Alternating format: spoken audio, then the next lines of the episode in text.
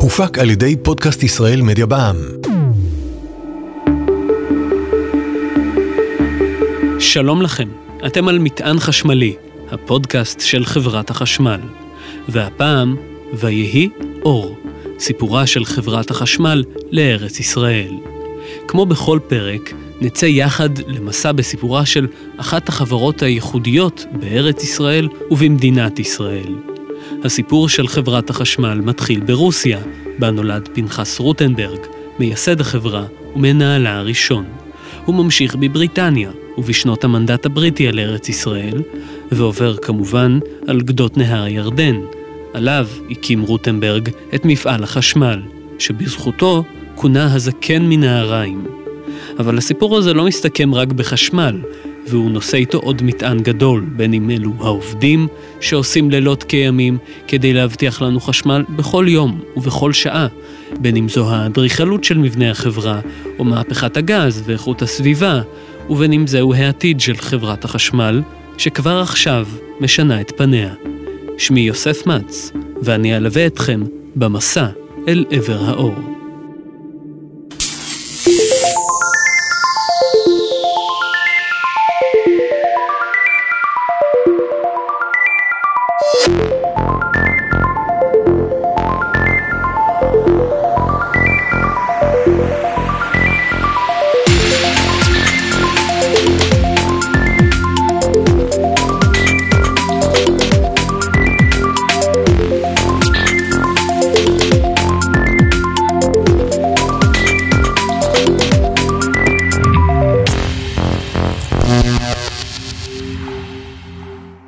צריכים לזכור שהתפיסה אז של הציונות, ובעיקר של תנועת הפועלים, שלאט לאט תפסה את השלטון בציונות, קוראים לה הגישה הקונסטרוקטיבית. דוקטור מרדכי נאור הוא מחבר הספר ברכת החשמל, שראה אור בהוצאת יד יצחק בן צבי.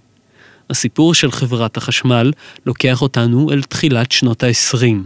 ארץ ישראל, ימי המנדט הבריטי.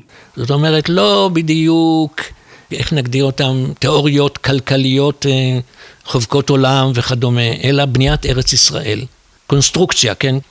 וזה מה שחשוב, ואם נבנה את ארץ ישראל עוד שלב ועוד שלב, מה שהיו אומרים אז בלעג, עוד פרה ועוד עז, אז בבוא הזמן יהיה לנו כאן תשתית מספיק רצינית להקים פה מדינה. אבל רוטנברג נתן את תרומתו לעניין הזה, והוא ראה את עצמו כשותף, כי בלי אנרגיה שום דבר לא יזוז פה. ציונות היא לא רק מדינית, ציונות גם תעשייתית. וזה מיכאל ביקסון, שניהל את תחנת הכוח רדינג. החזון של רוטנברג זה בלי פיתוח של התשתיות אנרגיה, לא יכול היה להיות פיתוח של האמצעים האחרים. לא תעשייה כבדה, לא תעשייה קלה, לא נשר, לא מפעלים פטרוכיים, לא שום דבר, כולם צריכים את האנרגיה. הוא אפשר את הפיתוח של הארץ. חלומו הגדול של פנחס רוטנברג, כבר סיפרנו לכם, היה להקים בישראל מפעל חשמל הידרואלקטרי, שיפיק אנרגיה חשמלית ממקורות המים שלנו. הוא קיבל זיכיון מהשלטון הבריטי להקמת מפעל לייצור אנרגיה הידרואלקטרית מהמים של נהר הירדן, אבל מהר מאוד רוטנברג הבין שהקמת מפעל מים בארץ ישראל היא לא עסק פשוט כל כך. ב-1922 הוא מתחיל לעבוד, ואז הוא, ברור לו שהוא חייב לעשות תקופת ביניים. תחנות, קראו להם קלוריות. תחנות שעובדות על דלק. זה היה גנרטורים גדולים. והוא בונה תוך שנתיים שלוש תחנות כאלה, שכל אחת מהן נראתה פלא טבע כשלעצמה. תחנת הכוח הקלורית הראשונה עמדה לקום ביפו. כי יפו זה העיר הגדולה ביותר אה, באזור. אני חושב שב-1921 או 2, תל אביב, יש לה איזה חצי עצמאות מיפו, יש בה נגיד 15 אלף תושבים, בתל אביב. ביפו יש 70 אלף או 65 אלף. זה, זה לא דומה אפילו. אבל היו גם מי שלא ממש אהבו את רעיון חשמול ארץ ישראל. עיריית יפו וחוגים ערביים בארץ ישראל הביעו התנגדות בכל דרך אפשרית להקמת מפעל החשמל. אתה יודע, בערבית יש מושג קוראים לו סייסה. סייסה זה פוליטיקה. פוליטיקה. הוא נחשב ביניהם לזכיין שרק בגלל הציונות שלו הוא קיבל את הדבר. כי האנגלים תומכים בציונים, ככה זה לפחות נתפס אז, והם רוצים לשלוט בארץ ישראל, החשמל זה אמצעי שליטה, בטוח. מי שיש חשמל הוא שולט על העוצמות. והם נתנו לו את זה, וזה מעשה אנטי-ערבי ממדרגה ראשונה, ולכן אנחנו לא נקנה ממך חשמל. אנחנו ערביי יפו. הוא מקים את התחנה בתל אביב, כי דיזנגוף, ראש העירייה הראשון, שהיה כנראה יהודי פיקח מאוד, מבין ששווה לתת לו כמה, נדמה לי, 20 דונם או משהו כזה, בקצה, בקצה, בקצה, רחוק, בכלל לא על יד העיר, שם במזרח, להקים את המבנה של התחנה.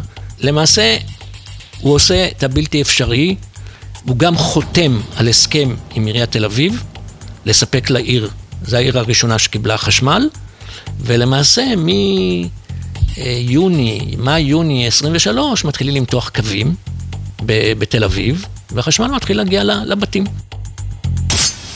תם, אבל לא נשלם. העיר העברית הראשונה חוברה לרשת החשמל, אבל השכנה מדרום, יפו, שהייתה גדולה ממנה פי כמה, עדיין לא הסכימה לקבל את הזרם. הבריטים כן רצו לעזור לו, אחרי הכל הוא, הוא מטעמם. וחוץ מזה, יש החלטה, החלטה היא החלטה של ממשלת בריטניה. אז צריך לבצע אותה, והערבים לא רצו. וביפו היה הלך קרקס. זה, זה, אין מילה אחרת להגיד את זה, ואיך בסוף פתרו אותו. פתרו אותו כאילו החשמל הגיע במקרה. עזר בזה חבר מועצת יפו יהודי בשם אה, שלוש, יוסף אליהו שלוש. הוא שכנע או הסביר לחברי העירייה שאנחנו פשוט דופקים את עצמנו. תראו את תל אביב, יש שם חנויות פתוחות בערב, אין סכנה לגנבים, כי הרחובות מוארים, ואנחנו חיים אה, בימי קדם. אז יש לו ספר אוטוביוגרפי, שהוא מסביר שם איך הוא הסביר להם בטבלאות, כמה יהיה פחות גנבים וכל מיני דברים כאלה, והם, והם עדיין לא הסכימו. נדמה היה שחיבור יפו לרשת החשמל היה עניין חסר סיכוי. רוטנברג רצה בזה, הבריטים עשו כל מאמץ כדי להתגבר על המכשולים, וגם רוב ערביי יפו, ואפילו ראש העיר, תמכו בזה. אבל אף אחד מהם לא העז לצאת נגד קומץ המתנגדים.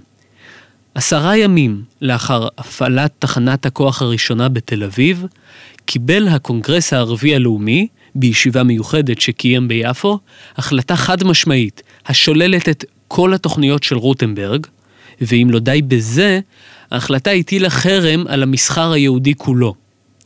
באביב 1923, הבריטים ששלטו בארץ ונתנו לרוטנברג את הזיכיון, התחילו להתרגז, ולחצו עליו לסיים את המשא ומתן עם עיריית יפו.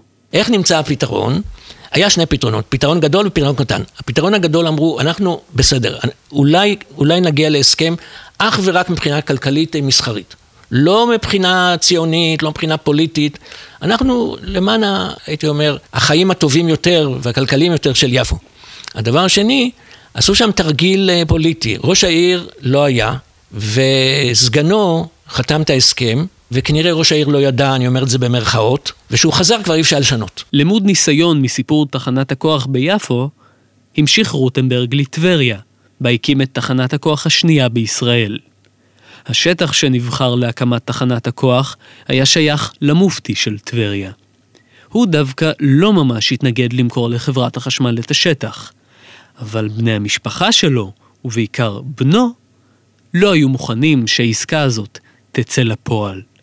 הדרך שנמצאה כדי לפתור את הבעיה לא הייתה כל כך מקורית, אבל הייתה לגמרי מעניינת.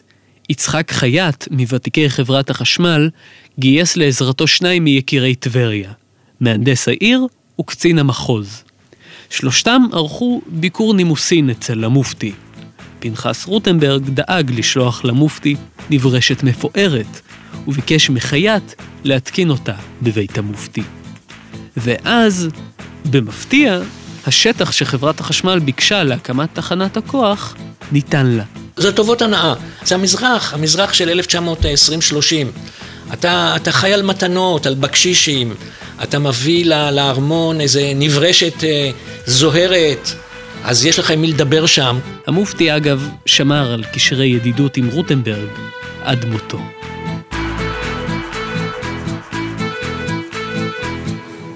תחנת הכוח הטבריאנית נחנכה ב-25 ביוני 1925, אותו יום שבו נחנכה תחנת הכוח הראשונה בחיפה, שנבנתה במקביל לאחות הטבריאנית. אבל הסיפור המעניין באמת עתיד היה להתרחש 20 קילומטרים משם, בתוך שטח הממלכה הירדנית. שטח שקיבל לימים את השם נהריים. אחד הדברים הדי מוזרים, שלא תמיד מובן, למה, למה הוא עשה את זה בטבריה, מכל המקומות? ויש לזה שני הסברים. הסבר אחד לטווח קצר והסבר אחד לטווח ארוך. ההסבר לטווח קצר, שהיו בארץ אז רק שתי ערים שהיה להם ראש עיר יהודי, תל אביב וטבריה. ולכן היה נוח לו. ההסבר השני, הלו בראש שלו כל הזמן כבר ישנה התוכנית הגדולה של נהריים. וטבריה זה עיר המחוז בערך של נהריים. יותר מזה, הוא ידע טוב מאוד שחומר הגלם שלו לייצור החשמל בנהריים זה המים. מאיפה המים באים? מהירדן. מאיפה המים באים לירדן? מהכנרת. בשנת 1927 עברו משרדי חברת החשמל מתל אביב לחיפה, והחלה העבודה המעשית על מפעלו הגדול של פנחס רוטנברג. השם נהריים ניתן כיוון ששם נפגשו שני הנערות, הירדן והירמוך. אלפי פועלים עבדו במקום, לעתים בתנאי מזג אוויר קשים ביותר. הם בנו מערכת שלמה של סכרים, שינו את אפיקי הנערות, ולבסוף קרו אגם גדול שממנו נפלו המים מגובה של 27 מטרים אל הטורבינות שבתוך מבנה תחנת הכוח. זרם המים החזק סובב את הטורבינות, וכך נוצר חשמל. עבור העובדים במקום נבנה יישוב קטן שנקרא תל אור, והיו בו 40 יחידות דיור שאכלסו כ-200 אנשים. גדעון ניב נולד בווינה בשנת 1929. כשהיה בן שבע, עלתה משפחתו לארץ ישראל. אביו התקבל לעבודה בחברת החשמל, והוצב בנהריים. הוא הגיע כמהנדס, אבל לא היה עבודה כמהנדס, אז הוא היה במסגריה ובמשמרות של המשגיחים על הטורבינות. נהריים לא היה יישוב גדול. את ילדותו שם גדעון מתאר כבודדת. רק התחביב שלו, צילום, הציל אותו מהבדידות. גדלתי כיצור בודד. מלבד העבודה והקשר מכתבים עם חברים, לא היה לי חברים. מה שהיה לי, יכולתי להדריך את הדור הצעיר, לקחת אותם לטיולים, אז לקחתי אותם באותו זמן לאורך הכביש עד לסכר הירמוק, בדרך יש תחנת הרכבת, אחר כך הבאתי אותם עד לסכרים. צילמנו בכל הסביבה של נהריים. למשל, כל הקשרים שמחברים את נהריים עם הסביבה, יש לי תמונות שהם שלמים ואחר כך תמונות שהם מפוצצים.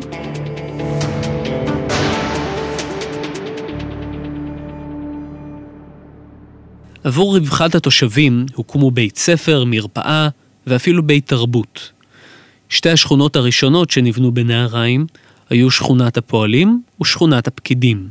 אחר כך הוקמה גם שכונה למגורי המהנדסים והפקידים הבכירים. מעל בתי נהריים, בראש גבעה, בלט הבית הלבן, בניין גדול שבנה פנחס רוטנברג עבור ביקוריו במקום. כשהיה מגיע, נהוג היה לקבל את פניו בשירת ילדים, והשיר האהוב עליו ביותר היה "הזקן מנהריים", שכתב מרדכי זעירה, עובד חברת החשמל בעצמו. הבית ספר הורכב למעשה משני בתים שכנים, שכל בית עם שני חדרים, ובארבעת החדרים האלה, בבית אחד למדו כל הכיתות עד כיתה ה', ובבית השני כל הכיתות מה' עד ח'. סך הכל נגיד עשר ילדים בבית אחד, כל בית יש מורה אחד לארבע כיתות, והוא מלמד עברית ותנ"ך וחשבון. תנ"ך למשל, אז לומדים אה, כל הארבע כיתות יחד את התנ"ך, ומה שלומדים אז לומדים כל הכיתה. מי שגמר בית ספר בנהריים היה לו קשה מאוד להתקבל לבית ספר תיכון במקום אחר. בחורף 1931 כשמפעל החשמל בנהריים כבר היה מוכן להרצת ניסיון, פקד את האזור שיטפון. סכר הירמוך נפרץ, והמים הרסו את כל מה שעמד בדרכם. אבל גם השיטפון לא שבר את התלהבות העובדים במקום. נהריים זה היה הרבה יותר ממקום והרבה יותר מחשמל. זו הייתה מין אה, כמעט מיתולוגיה ארץ ישראלית. כי גם ייצרו שם חשמל, אבל גם הקימו את זה כמה שנים עם מיטב האנשים בארץ. מי שעבד שם זה גאווה לאומית הייתה. זה היה יישוב בארץ ישראל שהיה מעבר לגבול, אבל היה עם, עם המון המון אה, גאוות יחידה שמייצרים את החשמל, וזה גם היה בעצם סניף של ההגנה, המקום הזה. במילים אחרות, זה היה יותר מכל יישוב אחר במובן של הגאווה והתרומה, וכל הסיפור הזה עדיין מתרחש מחוץ לגבולות הארץ. איך נגדיר את זה? פרדוקס. הקשרים היו די טובים, אני אומר די טובים עם הירדנים. רוטנברג היה באמת כל יכול. ישנו הסיפור הידוע, עברה שם מסילת רכבת העמק. רוטנברג בשלב מסוים בא להנהלת החברה, והוא ביקש לא פחות ולא יותר מלהזיז את המסילה, שתיכנס לתוך תחנת הכוח. זה היה בערך להזיז חצי קילומטר. זאת אומרת, המסילה במקום ללכת ישר מכיוון אה, בית שאן לצמח, במקום מסוים קיבלה עיקוף קטן, נכנסה למפעל ויצאה ממנו. הוא הקים על חשבונו תחנה. עכשיו, מי שמכיר את התחנות של רכבת העמק, כפר יהושע, בית שאן וכדומה, הן תחנות אה, כאלה אה, עם, עם אופי גרמני, גגות רעפים וכדומה. איפה יש תחנת בהאוז? בנהריים. כל יום שישי רוב עובדי ההקמה נסעו ברכבת העמק, את התחנה נסעו ביום ראשון בבוקר, כמו חיילים, נו. בשבוע הראשון של ינואר 1942 הלך פנחס רוטנברג לעולמו, והשאיר את ניהול החברה לאחיו אברהם. מורשתו של רוטנברג כללה גם את הקשר המיוחד שבין חברת החשמל וארגון ההגנה. שני הגופים נוסדו בתחילת שנות ה-20, ורבים מעובדי חברת החשמל מילאו תפקידים גם בארגון. בתחנת הכוח רדינג בתל אביב, למשל, יוצרו חלקי נשק ותחמושת עבור הלחימה. גם נהריים הייתה מעין שלוחה של ההגנה. ערב ההכרזה על מדינת ישראל, מפעל החשמל בנהריים ייצר כרבע מהחשמל בישראל. במילים אחרות, רבע מהחשמל בארץ היה ירוק, שיא שעדיין לא נשבר ב-70 שנות עצמאות. מלחמת העצמאות כבר התחילה. לקראת הכרזת העצמאות, היישוב היהודי הבין שהמלחמה עומדת לעלות שלב, ולכן הוחלט לפנות את כל האנשים והילדים מנהריים. בהתחלה ההגנה לא הרשתה לפנות את נהריים. בסוף קיבלו הוראה לפנות את המשפחות ונשארו רק העובדים. חשבו שבהסכם עם עבדאללה תחנת הכוח תמשיך לעבוד ולספק חשמל. ב-14 במאי, עם הכרזתו של דוד בן גוריון על עצמאות מדינת ישראל, פלשו כוחות צבאות ערב למדינה. ניתקנו מהארץ. הפקודה הראשונה הייתה לזרוק את הנשק הבלתי לגלי, הבלתי רשום. אני ומאיר לקחנו את הנשק הזה ועברנו אותו מעבר לירדן בשביל שיהיה לנו נשק אחר כך, והיה לנו חבל לזרוק לירדן. יחד עם חברו מאיר ברח גדעון ניב מנהריים. כשהתקבלה הפקודה שהלגיון נכנס לתוך תחנת הכוח, עזבנו את תחנת הכוח, אמרנו להורים יפה שלום וברחנו. ברגע שעברנו את הירדן התפצלנו. מאיר נשאר עם קבוצת שומרים, התחבאו בין קנה הסוף בגדת הירדן ואני לקחתי את הנשק והתחלתי לעלות את הגבעה מול תחנת הכוח. יש שם סיפור מדהים. עשרה או שנים עשרה, אני לא זוכר בדיוק, מסתגרים בבית הטורבינות, מייצרים חשמל הלאה ולא נותנים, לא פותחים את הדלת. למרות שהיישוב כבר נכבש. הם לא פותחים את הדלת, וזה נמשך בערך 12 שעות. מ-4 אחרי הצהריים, ש- שמקימים את המדינה, עד 3 לפנות בוקר, משהו כזה, יש שם מהנדס אחד שהוא אומר, אני לא פותח. לא קיבלתי הוראה. ממי, ממי ההוראה? אומר, או מהמנכ"ל, או מההגנה. עכשיו, המטה של ההגנה זה באשדות יעקב. הוא מחובר גם למנכ"ל בחיפה וגם לזה בטלפון. אני לא יודע איך הטלפונים עבדו, הם עבדו. ואמרו לו, מההגנה אתה מייצר הלאה, כי בעמק הירדן כרגע כל המערכות הופסקו, הן פועלות רק למען המלחמה. ביצורים, שריון במסגריות, לחם במאפיות, כל הדברים, לכן צריכים להמשיך לייצר חשמל כמה שאפשר, כמה שאפשר. וזה מגיע עד כדי כך שמפקד ההגנה במקום מובא לדלת הסגורה ואומר לו, תיכנע, תיכנע, אין ברירה. אז הוא אומר לו, אני לא אכנע, אני לא רואה אותך, אבל אני בטוח שמישהו עומד עם אקדח בגב שלך, מה שהיה נכון. אגב, איימו עליו בירי תותחים. הוא אמר, לא פוחד. לא פוחד כי המבצר חזק מדי, לא, לא יקרה לו כלום. והוא ייצר עד לפנות בוקר, ואז כבר עשו את החיבורים, זאת אומרת החשמל הגיע כבר ממקומות אחרים, ובשתיים בלילה הם אה, הניחו את, אה, לא את נשקם, כי לא היה להם נשק, ונכנעו, ואז הובאו ארבעים, אני חושב שארבעים כללו גם שתי נשים, למחנה השבויים במפרק. ארבעים השבויים מנהריים נלקחו למחנה אום אל-ג'מאל והצטרפו לקבוצה של כ-700 שבויים יהודים מרחבי הארץ. אנשי נהריים זכו ליחס מיוחד. יוסף בלושטיין, עובד חברת החשמל, היה מעין מפקד השבויים. הקצינים הירדנים התייעצו איתו בבעיותיהם, וכשהחיילים הירדנים פנו אליו, הם הקפידו להוסיף, לפקודתך, אדוני.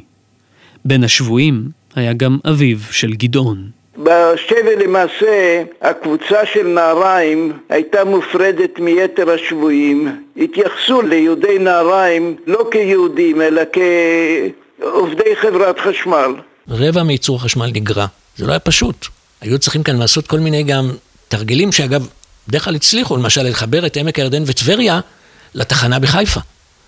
אז באיזשהו מקום על יד כפר תבור, היה שם צומת של אה, חיבורי חשמל. אז ניתקו את נהריים וחיברו, נדמה לי, שני קילומטר או משהו כזה, לקו לטבריה ולעמק הירדן, ולכן היה, כמעט לא הייתה הפסקת חשמל. כל המלחמה היה חשמל. עכשיו, היו הפסקות, אבל אי אפשר להגיד שלא היה חשמל.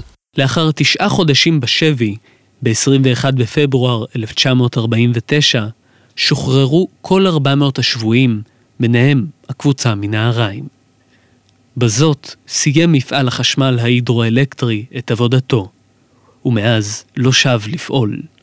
ולמרות שמפעל חייו של הזקן מנהריים ירד לטמיון, תושבי המדינה הצעירה ידעו בדיוק מי הקים את רשת החשמל בישראל. היו אומרים אז ילדים שנורא רצו להיות, כשהיו גדולים, הם לא יהיו שוטר, הם יעבדו ברוטנברג. ברוטנברג. כי זה נחשב מקום טוב. העובדים תמיד היו, איך נגדיר אותם, הכי גדולים, הכי חזקים. חלק מהזמן הם היו הולכים גם, בהתחלה עוד ברחוב, עם החגורה הזאת של המכשירים, שאפשר לשים שם פלייר וצבת ופטיש על המותניים. הם היו צדים בעזרת זה בחורות. היו הולכים שני חבר'ה, מותחים גם ביניהם חוט, ושהיה מי שנתקל, אתה אומר, רגע, רגע, רגע, מה, מה את הולכת? בואי בוא נדבר רגע, דברים כאלה. תודה למרואיינים שהשתתפו בפרק.